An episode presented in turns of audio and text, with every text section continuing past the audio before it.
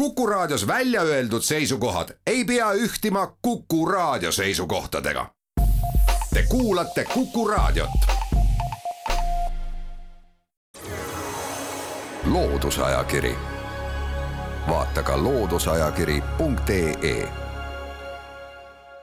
tere kõigile Kuku Raadio kuulajatele loodusajakiri alustab. täna on külas Tartu Ülikooli Ökoloogia ja Maateaduste Instituudi terioloogiateadur Egle Tammeleht. Tere tulemast saatesse! tere! mina olen saatejuht Tiia Rööp.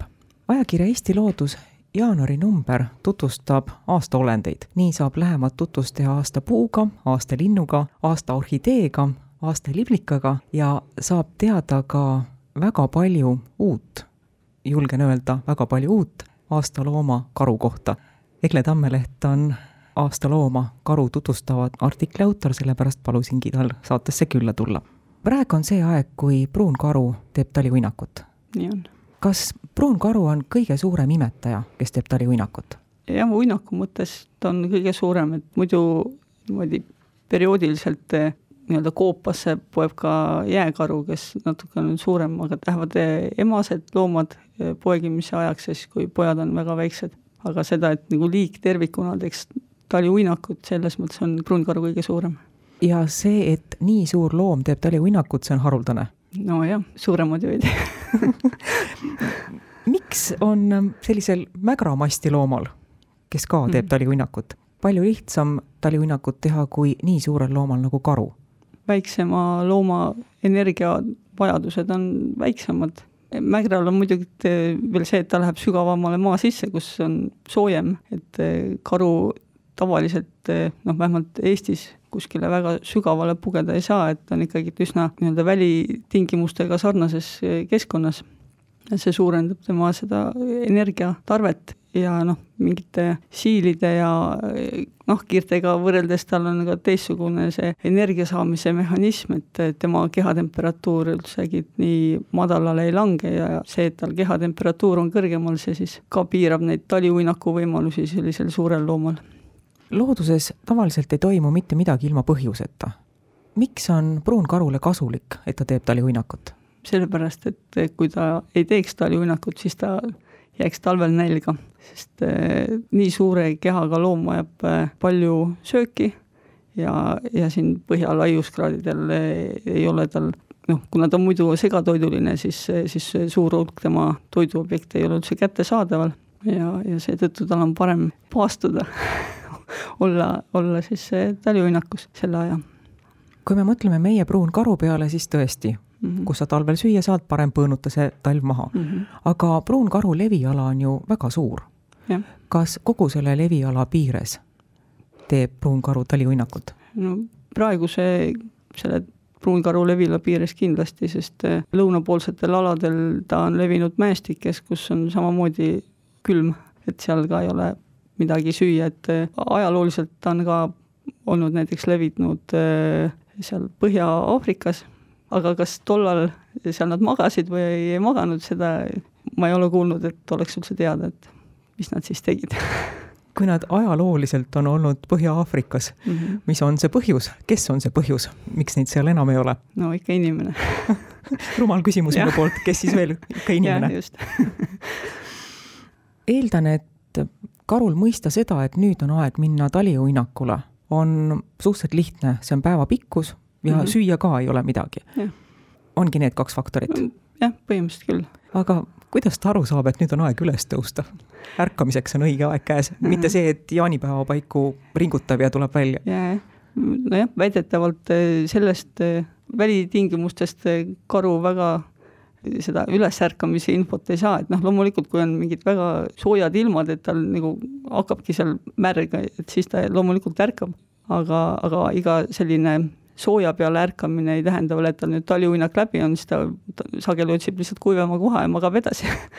Et see päris ärkamine, see toimub tal ikkagi, et eh, nii-öelda keha seest nii-öelda füsioloogiliste signaalide tulemusena, et eh, noh, eks hakkavad eh, need nahaalused rasvavarud lõppema ja, ja sellised hormonaalsed muutused toimuma selle tulemusena, mis ütlevad karule, et nüüd on aeg selleks korraks on mõnus uni läbi. selle, selleks, nüüd tuleb tegudele asuda, jah selleks, et äh, taliuinak äh, läheks ladusalt, oleks edukas, selleks peab suve lõpus karu ennast, ütleme ausalt, rasva sööma. kui inimene käitub samamoodi, siis sellega kaasnevad terviseriskid ja tervise halvenemine. Miks karuga seda ei juhtu, aastast aastasse käitub sama enesehävitajalikult mm, -hmm. kui me nüüd inimesele üle kanname selle mm -hmm. käitumise? jah, eks seal noh, suures osas on veel palju uurida muidugi, et, et, et, et miks tal ikkagi päris nii ei lähe, aga aga on leitud, et, et karul seda insuliiniresistentsust ei teki, mingeid diabeetilisi nähtusi tal eh, ei, ei esine, et peale seda, kui ta on üles ärkab, siis läheb tema elu samamoodi edasi, et ei ole ta siis haige ja vilets, vaid on tugev ja, ja terve, et et karu organismis kõik, alates mikrofloorast kuni hormonaalse selle noh, regulatsioonini kõik muutub eh, niimoodi sobivalt, et tal nagu ei lähe organismis midagi rikki, ükski mehhanism, vaid eh, see lihtsalt muutub kas meil on selles mõttes karult midagi õppida? kui me vaatame, mismoodi tema füsioloogia toimib, siis võib-olla saame vihjeid, kuidas mõningaid meie inimese terviseprobleeme lahendada mm. -hmm. ja eks see karu füsioloogia uurimine põhiliselt vist eh, sellisest ideest ongi ajendatud, et, et kuna karul ei ole mingit spetsiaalset geeni, mida inimesel noh, ei oleks, näiteks et tal nüüd mingi geen aktiveerub, mis muidu tal ei ole, vaid, vaid tal ongi nagu kõik need ehm, kogu tema see organism, mis seal, kõik need ained ja hormoonid ja, ja mikrofloora ja kõik see nagu säilib, et lihtsalt, et seal see nii-öelda osakaalud muutuvad, et seetõttu on nagu lootust, et loodetakse, et, et selle karu uurimisega vast leitakse mingeid häid nippe või, või, või ma ei tea, mehhanisme, kuidasmoodi inimesel seal paljusid eh, terviseprobleeme lahendada, et mulle on jäänud mulje et põhiliselt nagu see eesmärk karufüsioloogia uurimisel on karu on segatoiduline loom, inimene on ka segatoiduline loom. kas meie mikrofloorad on sarnased, on seda teada, on seda uuritud? niimoodi võrdlevalt ma ei ole näinud, et oleks kõrvuti päris pandud inimest ja karu. nüüd me teeme saatesse väikese pausi loodusajakiri, vaata ka looduseajakiri.ee loodusajakiri läheb edasi, Kuku raadio Tartu stuudios on terioloog Egle Tammeleht, saatejuht on Tiiu Rööp. räägime karu sigimisbioloogiast ka, mis on äraütlemata mhm. huvitav. selline väga lihtne õpikuteadmine on see, et karul on jooksuaeg maist juulini ja et pojad sünnivad talvel, siis kui karu ema magab ning ähm, nii nagu teistelgi suurematel imetajatel pojad elavad koos emaga karu puhul kolmanda eluaastani mm. -hmm. aga kui me nüüd detailidesse läheme, mis on põnevat karu sigimisbioloogia juures? põnevat eh, alates sellest, et kui nad eh, kevadel või varasuvel jooksevad eh, ja karupoeg sünnib hästi väiksena, et miks ta seal vahepeal nii vähe areneb näiteks, et, et seda, et ta viljastunud munarakk üldse jääbki pausile vahepeal ja selleks, et see loode saaks valmis nii-öelda, et saaks sündida talvel, mis tundub nagu täiesti esmapilgul vaadates täiesti ebasobiv aeg sündimiseks, kuskil pimedas lume sees, eks.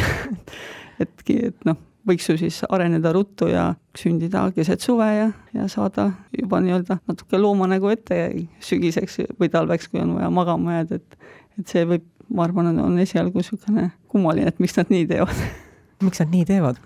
seda nad teevad sellepärast, et põhiliselt sellepärast, et niimoodi ongi see, me jõuame jälle sinna energeetilise otstarbekuseni, et loote arenguks on vaja rohkem valke näiteks, et kui see karupoeg nüüd tuleks nii-öelda sünniks varem, kõigepealt ta ei liigu nii hästi ja siis see emal selle toid, noh, talvitumiseks vajaliku toidu saamine on ju raskendatud, kui ta peab kogu aeg oma mudilasi järgi ootama ja normaalset sööki ei saa ja samal ajal imetama ka veel, et lihtsam on tal üksi ringi käia, nahaalune rasva täis mugida omale või noh, siis tekitada omale nahaalune rasvakiht. Ja siis eh, poegida talvel, kus ta saabki selle poja nii-öelda väiksemana, kui poeg ei ole veel nii arenenud nagu noh, ma ei tea, kitsepoeg, eks ole, ei kepsuta kohe ringi, vaid ongi niisugune üsna niisugune paljas ja saamatu, et ta ei lähe kuskile jalutama, vaid ongi ema juures ja siis ema annab talle seda, imetab teda selle rasvarikka piimaga, kuna tal nagunii naha all on juba kõik varud kogutud ja, ja siis selle rasvarikka piimaga on tal nagu seda mõistlikum seda poega kasvatada, sel ajal, kui ta ei peagi liikuma kuskile. mitu poega tavaliselt on pruunkarul? Tavaliselt on üks kuni kolm poega on niisugune tüüpiline. ja need üks kuni kolm poega ei pruugi olla sugugi mitte sama isa karu lapsed? nii-öelda lapsed? ei pruugi. miks nii? sellepärast, et siis kui isa karu nüüd selle ema karu viljastab, siis, siis see viljastunud munarakk, tema areng peatub selle tõttu saab emakarul on võimalik nii-öelda uuesti jooksuajast osa võtta, et ta ei pea hakkama, noh, organism ei pea hakkama seal loote arenguga tegelema, vaid ta saab uuesti jooksvast osa võtta ja siis võib-olla trehvab tema teele mõni teine isakaru ja siis juhtubki, et on ühes pesakonnas erinevate isade järglased. tahes-tahtmata tuleb jälle küsimus, miks see kasulik on, sest karuema võiks ju välja valida selle kõige ägedama mm -hmm. isakaru ja, ja temaga sel mm -hmm. korral pojad saada. jah, eks noh, seal ongi, et, et eks seda juhtub ka kindlasti, et ongi ainult ühe karu pojad, aga noh, ühest küljest see suurendab eh, ju seda geneetilist variatsiooni poegade hulgas, emakaru ei tea ju, milli-, milline see geenikomplekt nüüd peaks, või noh, ühest küljest muidugi, et emakaru ei rehkenda ka, on ju, seda, aga, aga et eh, noh, looduses nagu seda variatsiooni suurendada, ehk neid mune jagada mitmesse korvi on ikkagi mõistlik, et, et mis see kasulikuks osutub, eh, milline variant, et seda ju ei tea. Ja ja teisalt, eh, kuna isakarude eesmärk on ikkagi, eh, võimalikult paljude emastega sigida, siis see isakaru, kes esimesel korral tundus sellele emakarusele kõige vingem, see võib olla kuskile väga kaugele ära läinud selle ajaga, kuni see emakaru otsustab, et ta võiks ikka uuesti proovida. Ja iga järgmine isakaru ju püüab jälle tõestada, et tema no, tegelikult on kõige tegijam siin metsas. absoluutselt. Ja noh, teistpidi on ju hea, kui sul, kui sellel emakarul õnnestub mitme väga vinge isakaruga sigida, et eh, miks mitte siis kui palju sul on endal looduses karuga kohtumisi olnud? no mõned ikka on kogunenud eh, aja jooksul. kas need on otsitud või on need sellised puhtjuhuslikud? enamik on puhtjuhuslikud, kui väga otsid, siis ei leia kas sul on ka mõni selline eriliselt tore karuga kohtumise lugu? peaaegu kõik on mingis mõttes meelde jäävad, et eh, no võib-olla, ma ei tea, kõige esimene kord eh, võib-olla tekitab kõige rohkem mingit emotsiooni, kuigi noh, tagantjärgi võib-olla ei olegi. Et eh, siis ma muidugi ei teadnud veel karudest midagi, et, et see, siis ma tegin lihtsalt linnuvaatlust. kuulsin, et seal põõsas keegi askeldab ja siis eh, lihtsalt mõtlesin, et lähen vaatan, kes seal on. Ja läksin tee peale, vaatasin ümber, niisugune väikene tee tegi käänaku, vaatasin sealt ja siis karu vaatas mulle samasuguse uudishimuliku näoga ette vastu ja siis no minu reaktsioon koolilaps, eks keeras ümber, pani jooksu ja siis, kui avastasin, et karu ei ajagi taga, et vist ei soovi mind süüa või midagi, et siis maastikul ma teadsin, et see on nagu üsna väike metsatukk, et sealt edasi tuleb suurem. siis läksin ruttu ümber selle väikse metsatuka, ronisin puu otsa ja no võib-olla minuti jõudsin oodata, kaks karu jooksid üle põllu suurde metsa, nii see oli nagu selline esimene kord, kus äh, said korraks selle ehmatuse, et vaatad karule otsa ja siis äh, sinna taha otsa veel kohe sellega, et ootan ja näengi ja vaatan, kuidas nad lähevad kahekesti et see oli jah. laulusalmist on kinnistunud arvamus, et karu elab paksus laanes, karulaanes mm. -hmm. see ei ole alati nii, karu võib olla ka üsna väikeses metsatukas jaa, absoluutselt, noh, tegelikult ju karul ei ole, mets ei peaks olema kõige tähtsam, sest eh, arvestades karu levilat, ta elab täiesti kobikõrbes on oma karupopulatsioon, siis on tundraaladel, kus on täiesti lage. talle see mets iseenesest ei ole tähtis, tal ongi see tähtis selleks, et eh, ennast inimese eest varjata põhiliselt ja, ja selleks ei pea olema aktiivsusperioodil vähemasti mingi väga suur mets, et piisaks ka põõsast suuremast, kus, kus saad peidus olla, et aga loomulikult noh, tavaliselt ikkagi väga inimese, inimesega kokku saada ei taha, aga et jooksuaeg on selline aeg, kus ajakirjanduses ja niimoodi hakkad kuulma, kuidas on, järsku on väga palju karusid, aga see tuleb rohkem sellest, et sel ajal nad väga inimesest ei hooli, liiguvadki julgemalt ja laiemalt ringi ja teistpidi on leitud ka, et näiteks emakarud eh, nii-öelda kaitsevad oma väikseid poegi niimoodi isakarude eest, kes nad võiks muidu sel ajal nahka pista, et, et siis nii-öelda ema meelitada endaga paaruma, et eh, kui tal ei ole enam kedagi imetada. et siis emakaru läheb oma poegadega kuskile, kus on rohkem inimesi ja siis sellepärast, et seal eriti isakarud ei kipu liikuma inimesed näevad jah, ja vaatavad, et oi kui karud on nii julgeks läinud tulid kohe küla ja, taha? tulid küla taha nagu alati looduses on kõikidel asjadel mingi põhjus, miks no, nii tehakse. just, et ega looduses ju mingit väikest kriimu ka keegi omale niisama ei taha, et, et seal ei ole nii lihtne ja mugav elada, nagu me siin oma mugavuses mõtleme, et oh, mis see või noh, et karu ei käi jalutamas lihtsalt sellepärast, et mingit esteetilist elamust enamasti saada, et vaid ta liigub kuskil mingil põhjusel ikkagi, tõsisemal põhjusel selleks korraks lõpetame saate ära. kõike seda, mida ajakirja Eesti Loodus jaanuari numbrist karu kohta lugeda saab, me saates ära ei rääkinud, nii et soovitame ajakirja Eesti Loodus jaanuari numbrit. saatejuht Tiia Rööp tänab kõiki kuulajaid ja külalist Tartu Ülikooli terioloogiateadur Egle Tammelehte meeleoluka intervjuu eest. loodusajakiri on eetris taas nädala pärast. jälle kuulmiseni. loodusajakiri vaata ka looduseajakiri.ee